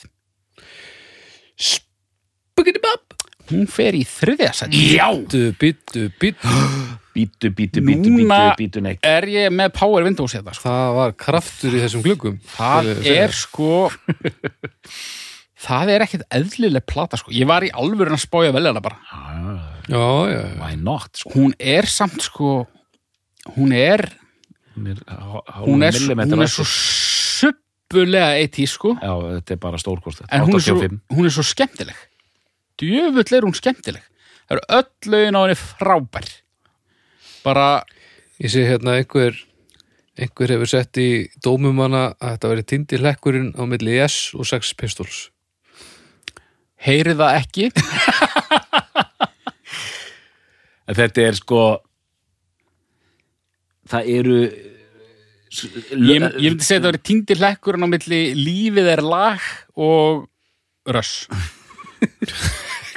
Og Röss Já, bara Mér datt ekki til lög eins og hérna The Big Money er svo rosalega epíst og stórt og bara allir sér ringir og hérna uh, þú veist uh, þetta er bara, þetta er ekki eðlilegt og Þeir- Manhattan Project Þeir eru kjafti. með sko átthyrndu trommurnar og, og sko er engin haus á neinu strengja hljóðfæri þannig mm. Og, og þeir eru bara í, í hvítum hérna, fla, flassara frökkum og þetta er bara allt. Þeir tóku það svo alla leið. Sér hárið á geti sko? Já, hér. Þetta er rost Já, ok, maður verður að hafa trúið sem maður er að gera ef maður ætlar að skarta þessu. Já, þetta er svakalegt sko. Já, og, og, og, og Liveson í hérna innrast lífið á Páfivind og skott fólk. Já. þeir eru eittisæðar alveg bara í, í já, einmitt fla, í, í gráum flass, flassara frökkum sko. Pínu fyndið samt að ef maður myndi sjá mynd af hverjum og einum úr samingi þá er þeir lítið ekki út fyrir að þekkjast nema þeir eru, maður veit að þeir eru saman í. En Þetta er bara svo skemmtileg plata og þú veist hérna og Big Bang came and shook the world. Ég- ég er samt pínu bara ég fatt að þú veist ég hef verið pínu bara spérhættur með þessa plötu sko. mm. og því að Þú náðu að umfaðum hana ég hef alltaf fílað hana Mm. en svona eiginlega pínu í laumi sko. Hvar er, hvar leikur þessi hjá svona hinnum grótarða röss sko mér finnst eins og hún hafi vaksið svolítið Ok, í setni tíð sko ok en sko, ég, ég, og á erum í, erum, erum í sko, 80s röss fílarar eru miklu færri heldur en 70s fílararnir já, Já, við erum, fólk er að hlusta núna bara þeir eru bara að labba á næsta hálfa árið með húrunanir í augu og já við erum ekki að gera rössmönnunum hann úti neitt greiða með þessum hætti. Sko. og síðan er hérna pör, Pörtarinn er að semja þú veist, það er lag hérna sem heitir Marathon, Já. fjallar um Marathon. Nú, hann er svolítið kraftverk í því. Já, já, já, en hvað fjallar þá Manhattan Project um? Jú, já, ok, já en, já, en ég skil þú, þér fannst þú vera of hvað, upp, útblásin 80s að væri hægt að það er svo, það er svo einbyttur brotavilli það er bara hérna það er búið að vera eitthvað svona daður á. Greis og á Signal sko, og þarna bara, nei, fuck it, Fuck it. herðapúðar og bara Já, herðapúðar, alla leið og bara vídjóin alveg fáránleg sko. Já, bara faðma þetta sitt. Já, bara alla leið, 200% Þetta, er- það er málið sko. Dásamlega plata Ok, ég nenni ekki að sekt út eitthvað lög sko, bara hún er, bara gott stöf já. Sko núna fer aðeins að mínum mati að halla undan fæti hjá okkar mann já, næsta plata 87 Hold Your Fire. Ok. um, Force 10 og Time Stand Still þau eru, þau eru æðisleg. En hérna eru menn byrjar að gera þetta aldrei venjulega 80s plötu sko ég vissi að hún myndi segja þetta sko. Ég ætla aðeins að baka hann upp sko. Ég, ég er samt með þér sko. Hún er, hún er talsvert síðri. Ok, það er svona uh, hún er alvarlegri. Já, uh, en það eru það eru mörg góð lög hérna. Veist þessi töðstum endir Second Nature finnst mér ógeðslega gott lag. Það er, getum við kallað það balluð mm, já, já, svona, já. Það er eiginlega bara svona mér finnst magna hvað ég fíla það vel með að við hvaða hljómar er svo 80s Queen sem ég finnst fyrir eitthvað leðilegt en hérna það er alveg svona Radio Gaga bara lag sko. Ok. En hérna en það er samt alltaf þessi já. Lifeson gítar sko. Þetta kling dæmi. Já, ég, ég, ég fæ aldrei nóg að þessu sko. en svo, svo fara þeir alveg í rugli hérna Tai Shan Hvað helvítis kjaftaði það? byrjaði með þetta hérna asíska flipset sko. Fór ekki alveg að blónt samt eða? Mm. Já, ægið, þú veist Þetta er svona eru menn uh, svona afturfarnir að taka þessu svolítið alvarlega. Svona 80s 80s uh, Galgopa hátturinn hann er svolítið búinn og nú erum við hérna. Já, Við erum í hörðu, hörðuðöfnurum já, þetta er alveg aðeins svo stíft sko. Þetta er svona, svona gáum hana Já, já, já, já, þetta er svona gáum Páfi Windows nær alveg einhvern veginn alveg að þetta er stórkostlegt sko. Já, hann er eittísi alveg bara að show of hands, það er sko 89 eittísi því fer nú að ljúka en þeir eru ekki að hægja á. Þeir eru ekki að hægja á, Nei, enga veginn. Og coverið á þessari plötu? Það er æfintýrlegt, þeir kveðja sem er Þetta er lagplata, þeir kveðja 80s með plötu sem kom út 1989 og heitir Presto. Presto Hún er nú alveg fín Já, ég, ég er, þegar ég segi fyrir Hallanda fætt og allt svona, ég, ég þarf aðeins að draga úr að hérna, ég, ég er alls ekki að segja þetta sé vonlaust eða neitt þannig, þetta er bara, þetta er orðið bara og aðeins of svona bara, menn eru bara í gýrnum sko, venjulegum gýr sko, Já. það er enga fréttir þannig En en, þarna taka er samt alveg mörg skref tilbaka í, í hérna sinnþa óhófi og, og svona þú veist, þetta er þetta er, þetta er bara rockplata en Já, hérna, þessi, e, veitum nú við ef mér skjáttast ekki þá er þetta fyrsta platan sem að er, er bara, er ekkert progg skráð í genre það er bara poprock og hard rock. Og það hérna er til dæmis því stórkostlega lag Superconductor, mm. mannstu þetta því? ekki svona í fljótu bræði það er svona, hérna, þetta er mjög cheesy lag, það er eitthvað svona uh, býtti nú við. Opna bílið en sko show don't tell það er nú alveg progg í intróinu sko. Opnar bíli, þetta, þetta var gefið út sem smáskífa sko, hérna þetta er eitthvað svona Superconductor, það var gert vídeo fjallar um eitthvað svona Master of Puppets sko, eitthvað svona Watch his every move. Superconductor, Já. Superconductor La la la la la. Superconductor, Superconductor. Fáránlegt lag. Og ég var þetta farin að fíla það alveg í bótt sko. já, já, já. Cheesy en skemmtilegt. Já, en þetta er samt svona plata sem að röstmennir sem að heldust úr lestinni hérna í mesta subbeiti sínu þeir tóku þessu svolítið fagnandi sko. Ok, býti já, þetta væri svona rockið er komið aftur Já Þetta er, þú veist eins og þú heyrir, ég þekki þessar plötur verð sko.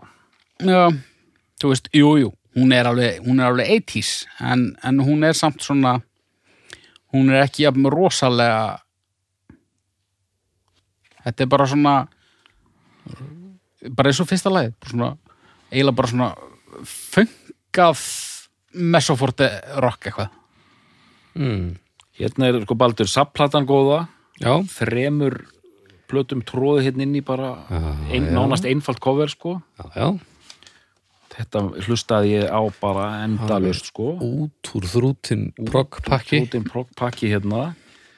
Og ég, við erum búin að vera að veifa hérna eh, vínilum, þetta er síðasti vínil sem kom með, af því á ekki fleiri með röns. Það er plata frá 1991 sem heitir Roll the Bones. Já,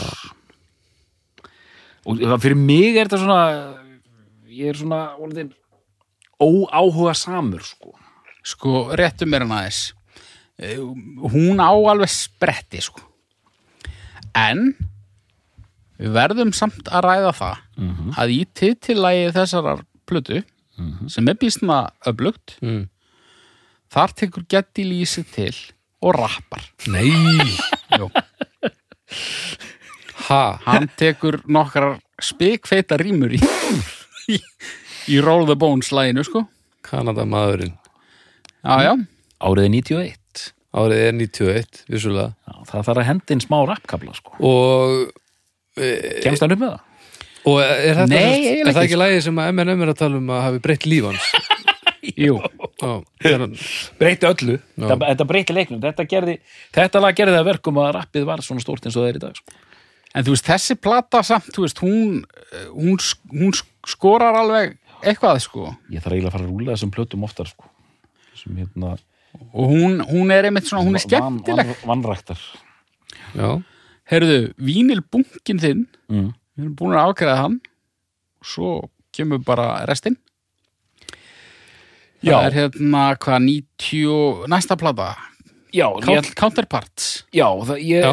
ég ætla að fá að nefna hana alveg sérstaklega af því að ég er mjög hrifin af henni. Já. mjög hrifin af henni. Ok. Hún kom á 94 og ég, ég á þetta alltaf vínil hérna. Þa, það er fyrsta lagið á henni sem er fengað mesoforti rockið uh, 93 já, 93 ásækið hérna, þá fór ég bara inn í búð og keifti, keifti þá plötu á geisladisk Nó 93, betur hvað er fyrsta lagi aftur?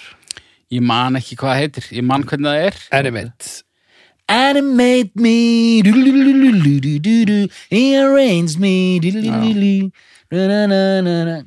Þarna eru röss enn eina ferðina að umfaðma hva, ok, hvað er að gerast okkar? Hvað er að gerast okkar? 93, hvað er að gerast? Mm.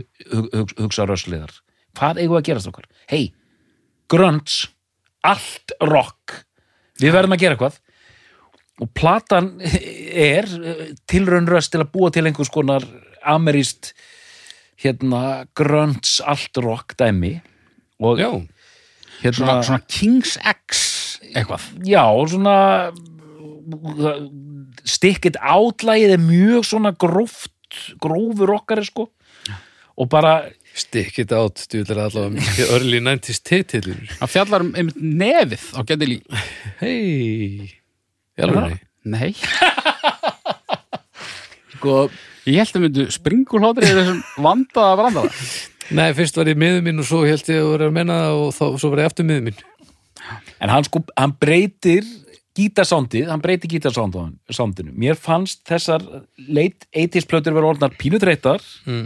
Þarna kemur og þarna Presto 91 hérna, nei hérna Roll the Bones 91 þarna er komið svona gróf mér fannst þetta að vera svolítið flott comeback-plata sko. Já, og bara það eru svona grófi rockarar og, og bara flott lög og alltjent, ég fíla þessa plötu vel. Og þessi plata er kannski súressplata sem að fyrir svona eitthvað utanakomandi væri erfiðast að staðsetja í tíma. Mm -hmm, mm Já. Hún er eitthvað bara gítabassi trommur og rosa basic. En, en þarna eru þeir sem þú líki 80s tímabilið að fagna? Já, uh, já, já, þe- þetta er svolítið svona jafnvel meira sko. Þetta er svona hard rock þetta er svona aftur, aftur, aftur að- rocki og rólið sko. Ok. En sen getur við aðeins einmitt en sko, ég vil taka það fram fyrir að frá og með þessar plötu Mm. er ég ekkert ég er engin doktor í, nei, í restinni sko. Og það, það er eiginlega sama hér, við getum farið næsta plata á eftir heitir hérna, Test for Echo. Já, 96 ég þekki hana lítið. Hún þykir mjög slök. Ok, næsta plata á eftir henni er Vapor Trails. Nei, retrospektiv já, það er, það er bara það er, já, það er bara sálplata það er þannig er og ekki Vapor Trails 2002 uh, svo kemur liveplata að brjála að gera, Já. Vapor Trails. Vapor, já, Vapor Trails. Mér, fannst þú skemmtilega sko. Því ég heyrði hana? Já, og sko ég, mér finnst þessar 2002. hérna, við tökum Counterparts og hana og svo svo tvær síðustu djöfull er coverið 2002 já, hérna. Á Vapor Trails. Já, Mér finnst- engin að eitthvað léleg sko. Nei, nei, nei, nei, nei, nei. og, og þú veist, eins og síðasta plata finnst mér bara fín sko. En Ég, ég ætla að einmitt að bara röss að vera röss já, ég ætla að einmitt að nefna eftir Vapor Trails kemur, hvað heitir hún, Snakes and Arrows eða? Já, uh, nú er það að gefa út svo mikið alls Já, það er konar, alls konar, alls konar sitt inn á milli en að ég held að sé Snakes and Arrows 2007 uh, já, hérna hér já, það passar. Sko, sérstaklega og ég held að sé rétt sér að segja haukur þú veist þarna Test for Echo, Vapor Trails en sérstaklega Snakes and Arrows og áfram þá er Russ bara að gera Russ-músík er Já, ekki bara hún og svo síðasta? Það er Snakes and Arrows Og Clockwork Angels. uh, Clockwork Angels. Er það kannski bara það? Það, það er síðasta.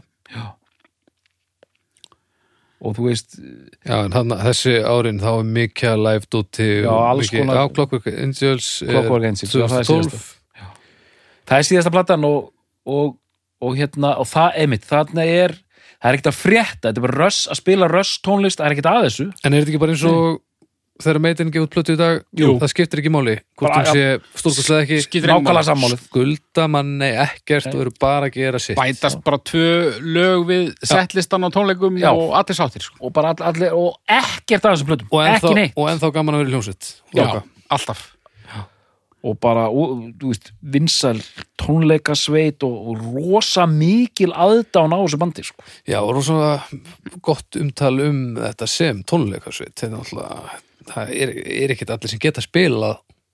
Sest, það er eitt að semja svona og fremja í stúdíu eitthvað en, en að síðan að delivera þegar út bara komið sér fram með fólk það er annar mál sko. Sérstaklega ef það er ekki fleiri skrokkar á sviðinu Nei, Nei, nei, þetta er alveg er- Getty þarf bara einmitt að nota alla útlimi og það er bara allt í rugli.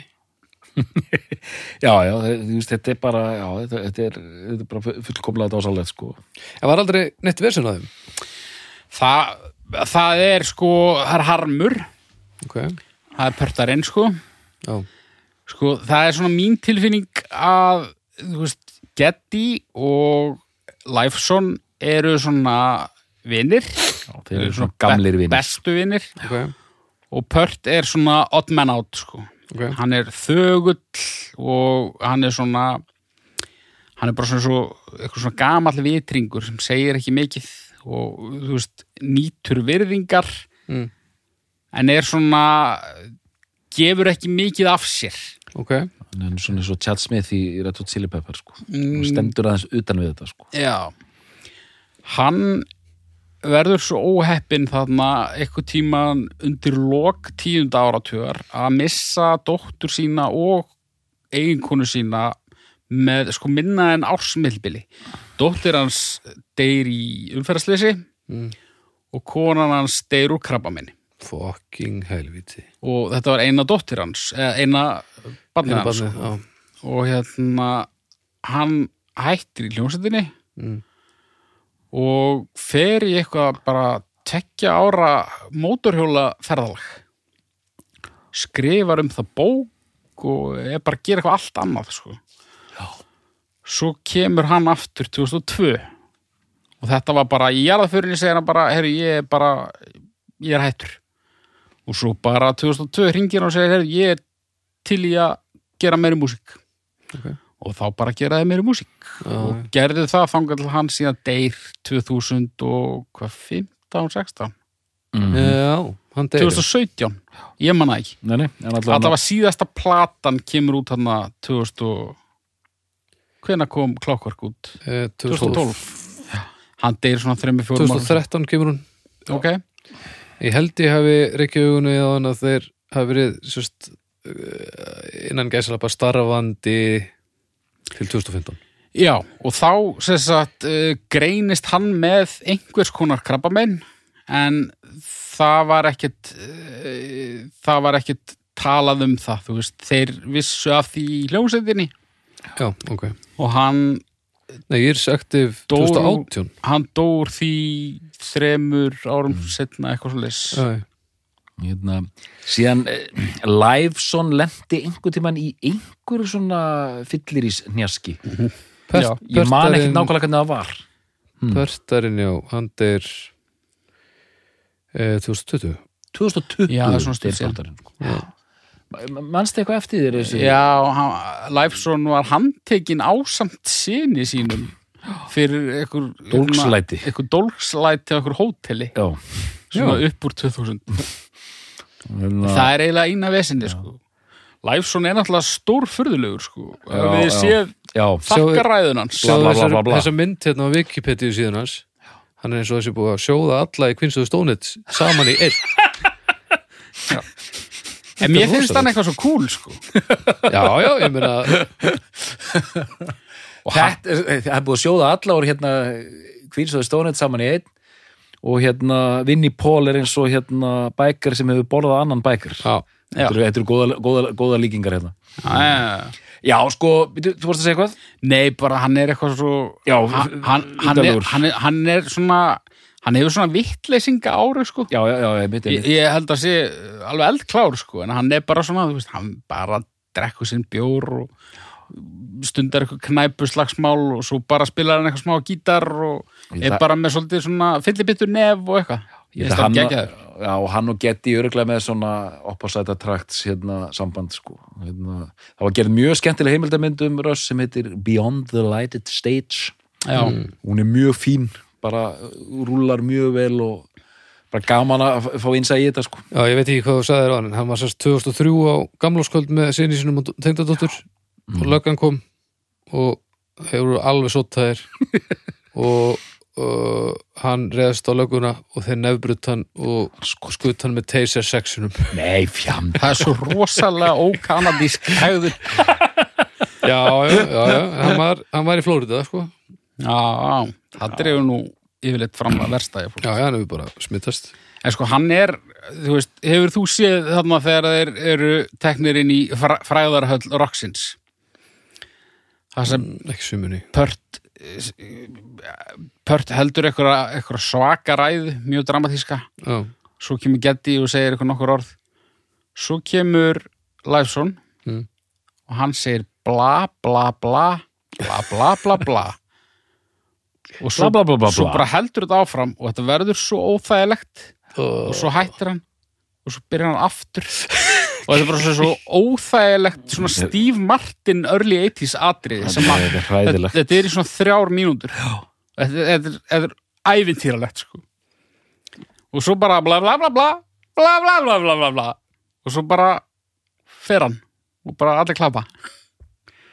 Það ég var veit það rosa flippað en eh, þetta er eiginlega kjarnar þetta bandi er bara sko. já, finnst það kannski þetta, hefði verið aðeins- alveg glatað ef hann hefði tekið 20 sekundna versuna þessu Já, já, en út af því að hann sko hann, hann hjælt mómentinu í þrjár fjórum mínútur þar sem þetta var óbærilegt sko. Það gerir þetta pínu kúl sko. já, já og hinn standa fyrir aftan hans Alveg bara svo eiginlega Síðan uh, þeir hendu í einhverjar soloplötu líka já, ég hef ekki tekka á því Ég hef ekki hlusta á þetta sko. Ekki- Allir, eða? Já, Lee hefur gefið út held ég tvær okay. Og um, Liveson gaf út einhverja plötu sem heitir Viktor Ha, minni mig. Sko sólóplötur eru rusl sko. Nei, ég veist ekki hljómsveit verður hljómsveit? Mjög oft já, en máttu þetta ekki bara skýra þér bara Jú, jú. eins og þetta skýra hundið. Já, minnir sko hérna, já já, bara whatever. Þeir síðan gáðu þeir út plötu sem við höfum nú ekki minnst á hérna sem hérna, og það er ástafir í Nú. Feedback, mannstu þetta henni já, tökulegin gáðu út einhverja tíulaga tökulaga plata Ég- þú voru bara að spila einhver grímlög sko ég er bara ekki einu sinni hlusta Nei, ég- ég, ég nenni þess ekki. sett hann einhvern tímann á stað og ég rendi ekki til, Já, já. þú veist en hérna en mer, men, menn hafa sko klóra sér í kollunum yfir vinsældum þessari sveitar af því þetta er aðeins meira heldur en svona sæmilega þekkt band og einhverjir fyrðufuglar Mm. Hún á undarlega mikinn og stóran fanbase miða við þetta heyrist ekkert mikið í útvarpinu eða neitt þannig. Ég meina þetta er, þetta- þessi hljómsveit er þú veist, á topp 5 yfir sko bestsellers bara í bandaríkjunum frá upphafi held ég. Ég held að þetta sé er þetta mjög margar plötur en Ég held að þetta sé sumt að þessu er aðgengilegt einmitt, melodíst, húkarnir og þetta allt saman. Eru svo góðir. Mm, þetta er já. svo ævintilega velgert og það sem hefur haldið lífi í þessu setni eh, partin er bara hvað eru margir sem eru ábyrjandi í dag sem voru hlusta á þetta framan af. Áhrif, þú veist, þetta er svo miklu áhrifavaldar á músík annara risa stóra artista að þeir eru út með þann hera ennþá hlusta og ennþá brjálast ennþá þegar þeir hlusta á dóttið þitt þá gleymistu bara ekkert. Og umikið sko umikið móhauður þarf að lifa við þetta heima hjá okkur. Hérna, þegar ég fer í, í dal í einhvern djúpan dal ligg, Já ég ættu að vera að vera að borða ligg í sófanum kannski á laugadegi hérna og staðar út í loftið og hérna bara tómur Já, þá setur móhauður alltaf röss á fónum sko.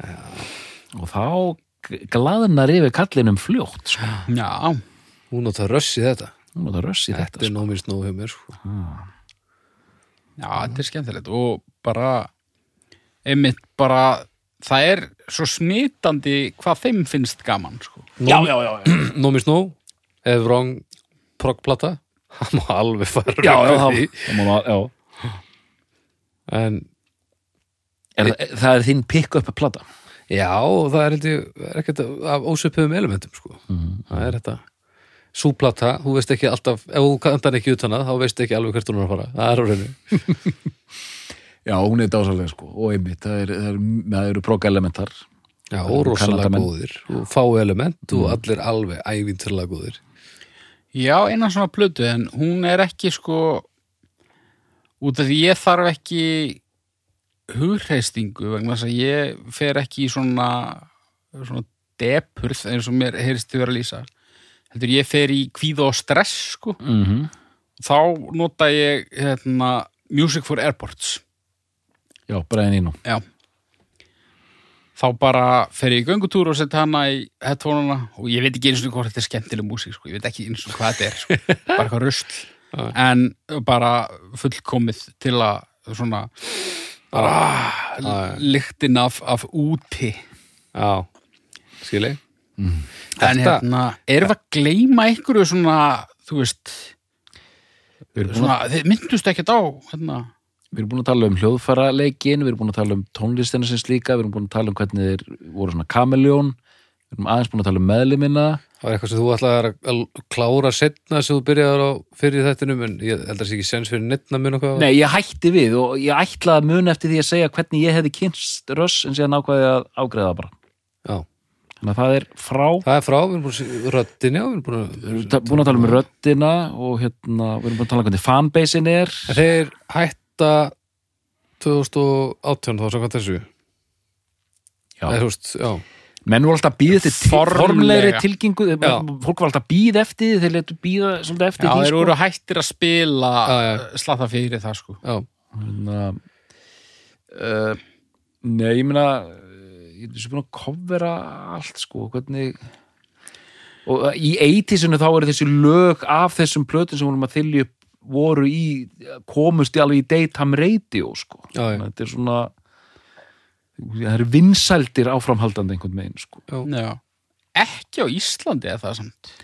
ég man bara eftir þessum hérna Grace and the Pressure lögum sko, í útvarpi sko Já. Subdivisions man ég líka eftir það nánast kemst inn á gullbylgjuna sko þetta stundum inn í retro sko Já.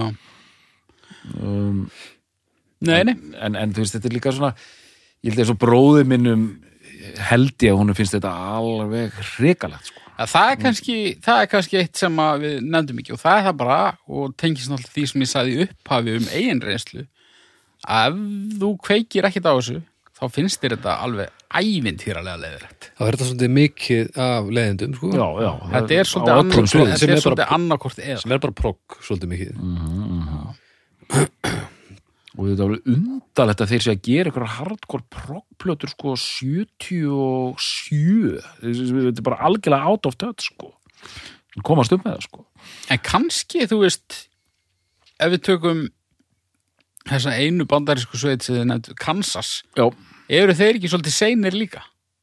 jú, Kansas er dálítið öðruvísi sko, það er hérna ameríska proggið var á allt öðru á einhverju allt öðru trajektóri sko. Já, þú veist, Kansas proggi er kannski meira eins og Boston proggið, skilur Já, en það Kansas var að vinna með þetta, þetta var svona faceless band, alltaf þessi indjáni framan á öllum plötunum, sko Mm. og hefma eða þessi kallandi með skeggið þetta var búða und, undarlegt band, sko. En betur það er, þessast, við erum að tala um ameríska proggið, breska svo er ítalska, við erum með goblin. já, já, já, já, já, goblin, einmitt, einmitt. Og hvað hva, er, er ástralst progg? Já, já, það er það, þú veist, það er alltaf eitthvað, sko en eitthvað svona sem er e- ekki, ekki, ekki, ekki, ekki nafn sem ég man, sko. Næ, en sko síðan var, var eitt kanadist band sem var svona, maður, ég rugglaði því stundu við Russ á þessum tíma, hljómsveitin Saga, Já, munið til því alls ekki ég man eftir nafninu, sko. Saga þeir voru með hérna Það er ekki bandið sem að hann uh, Þórður Helgi er alltaf að að- masa um á fjarsbókinni. það er eitt lag með sögu sko sem var svona I'm the fire but done and done and desire. I'm the flyer Já, ég þekki Þetta er eitthvað svona 80s, early 80s ykkur hittari sko. En þetta bandaríska dæmi svona mid til late 70s dæmi er einmitt svona, jú, jú, það er eitthvað svona prog element, þú veist, hérna. En þetta er svona, þetta er ekki Þetta er ekki- alveg að ná landi. Kansas, hvað heitir hljómsveitin hérna? Hvaðan eru Asia? Heat of the moment og það Asia var svona samansapn af gömlum progghundum E- Eru það kanar eða?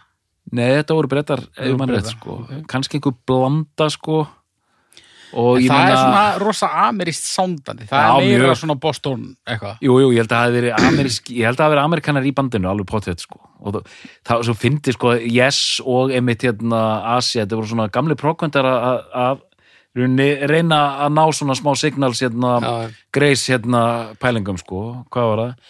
It was the heat of the moment sko, ég held að það sko. sé lélegasta lag sem ég heilt ég hef aldrei heilt mikið drast. Djúfellar mikið drast. Það er svo nenni ekki að syngja viðlagið. It was the heat of the moment. smjör af bekknum. Þetta er svona stofu þetta smjör Já, sko. Það er svo mikið lagleysa. Herðu, eitt amerist band. Þarna. Styx. Já, Munið ég, þetta er því bandi? Ég þekki það ílega bara namnir sko. Já, þetta er eitt svona mjög frækt lag Já, hérna einhverju- Boat on the Water hérna. já, er það? Er ekki Nei, líka Boat on the River Take me down on a boat on a river La la la la la La la la la la la la la la la la la la er ekki líka eitthvað svona kvenmannsnaps ballöðu sem að Síðan voru þeir orðin pínu svona 80s proggarar með það var lag sem hétt Mr. Roboto Mr. Roboto Robo- Mr. Roboto en Styx, það er eitt svona sér ameríst Styx gaf út einhverjar áttaplötur sem seldust í Ameríku í bara einhverjum störluðum eintökum sko. En þetta er lítt þekkt til dæmis, þetta er ekkert spilað í útvarpun í Íslandi nema kannski þetta Boat on the River sko. Country element eitthvað. Já, já, einmitt. Það er svona, þessi amerísku proggbönd losna ekki undan Journey held ég að við byrjað sem hálgert progg sko. Mm. það eru svona yðnaða rock sko En sko, að maður kannski segja um röss að þetta er bara svona, kannski svolítið svona bara fínt progg fyrir fólk sem fílar ekki progg, sko. Líka það sko. Ekki bara fínt prók, heldur náttúrulega framhúskarandi prók fyrir fólk sem, sem fílar En þú veist, þetta er ekki, þetta er ekki, þetta er ekki frumefnið, sko. nei, nei, Nema mögulega hann á, á 2112, sko. já, já, já. Já, ég er nefnilega, pappi var svo mikið Emerson leikar Palmer, ég var þar sko. Já, já, á það upp. Gott stöf það, já, og bara Veitir trúið ekki, en pappi minn líka. ha, Já. no það þetta er bara, ég held að allir pappar fættir á kunnu svæði þarna, eins og þú varst að segja Já, já. hafa bara orðið fyrir progvagninum á einhverju tímpúti og Já, þú og þú kveður hann ekkert bara Nei, þú Þú bara eitthvað að drekki í laumi í bílskúrnum og Já. settur á eitthvað, eh, eitthvað, eitthvað gott með yes. já, Heyri nú ætla ég að fara að kalla uppgjör. Uh, Haukur við byrjum að þér. Já, það var bara vel þegið að fá að hérna, rausa um röss og, og, og segja frá þessari já, mér langar að segja bara þroska sögu minni. Já, tengdri þessu bandi mm aldrei hefði mig grunað eh, sem já, rúmlega tvítuðu maður. Ég myndi nokk tíman uh, líta við einhverju sem að geti flokkast undir brogg Nei. En hér erum við og ég er endar ekkert komin dýbra í proggiði sko, það bara endar svolítið þarna. Já, en þetta þykir mér afskaplega skemmtileg tónlist og ég, hérna ég, ég tek alltaf reglulega röss skorpur sko. mm þegar ég var faðir í fyrsta sinn þá, þá hérna þá fór ég uh, stuttaferð af spítalanum og, fór og kefti rækjusamlokur og, og hlustaði á Clockwork Angels sem mitt þykir, þetta, ég held að prog sé bara beintengt barnegnum, mér sýnst það. Það gæti verið. Þetta er bara pappa-elementið. Já. Varstu með Clockwork Angels í eironum, tár í augunum og rækjusamlöku munnum Já, og leiðinni út á enn einna kaupa rækjasamlokur eða eitthvað. Og fullt nefa kokaini já, já, já, já, það líka sko. En hérna, nei, nei, þetta er bara hérna, tólist sem að, jú, ég held get alveg svona tekið undir þetta að einhverju leiti. Þetta er svona, þetta er svona núlstillir skapið, sko. mm. Uh, moving Pictures varð ofan á að þessu sinni. Mm Mér finnst hún, hún er svona smakk bakki af, af röss, myndi ég segja. Rush Tapas Röst tapas og ef það er ykkur þarna úti sem er á sama stað og ég var á fyrir 12-13 árum eða hvað var þá mæli ég bara með því að kíkja á þessa plötu sko. Hún, hérna, mm hún get, gæti veitt einhver ykkar sko. Næs, Já, við, við, doktor? við hendum kannski einhverja svona deep cuts eh, playlista fyrir fólkið sko. Jafnvel. Já, vel tekið uh, þetta playlista þetta mér sko Það er ekki gríðalega vel séð. Uh, Doktor, Já herðu uh, mjög gaman að koma og spjalla loksins um röss hérna eh, hljómsveit sem ég er mjög hrifin af og þykir alveg gríðalega væntum. Ég vilja nota það orð sko. Hérna bara elska þessa hljómsveit og hérna fyllt mér ansi lengi. Kolfjall þarna 1990 og, og ég stilli hérna fram Signals og, og, færiði íminsleg rök fyrir því.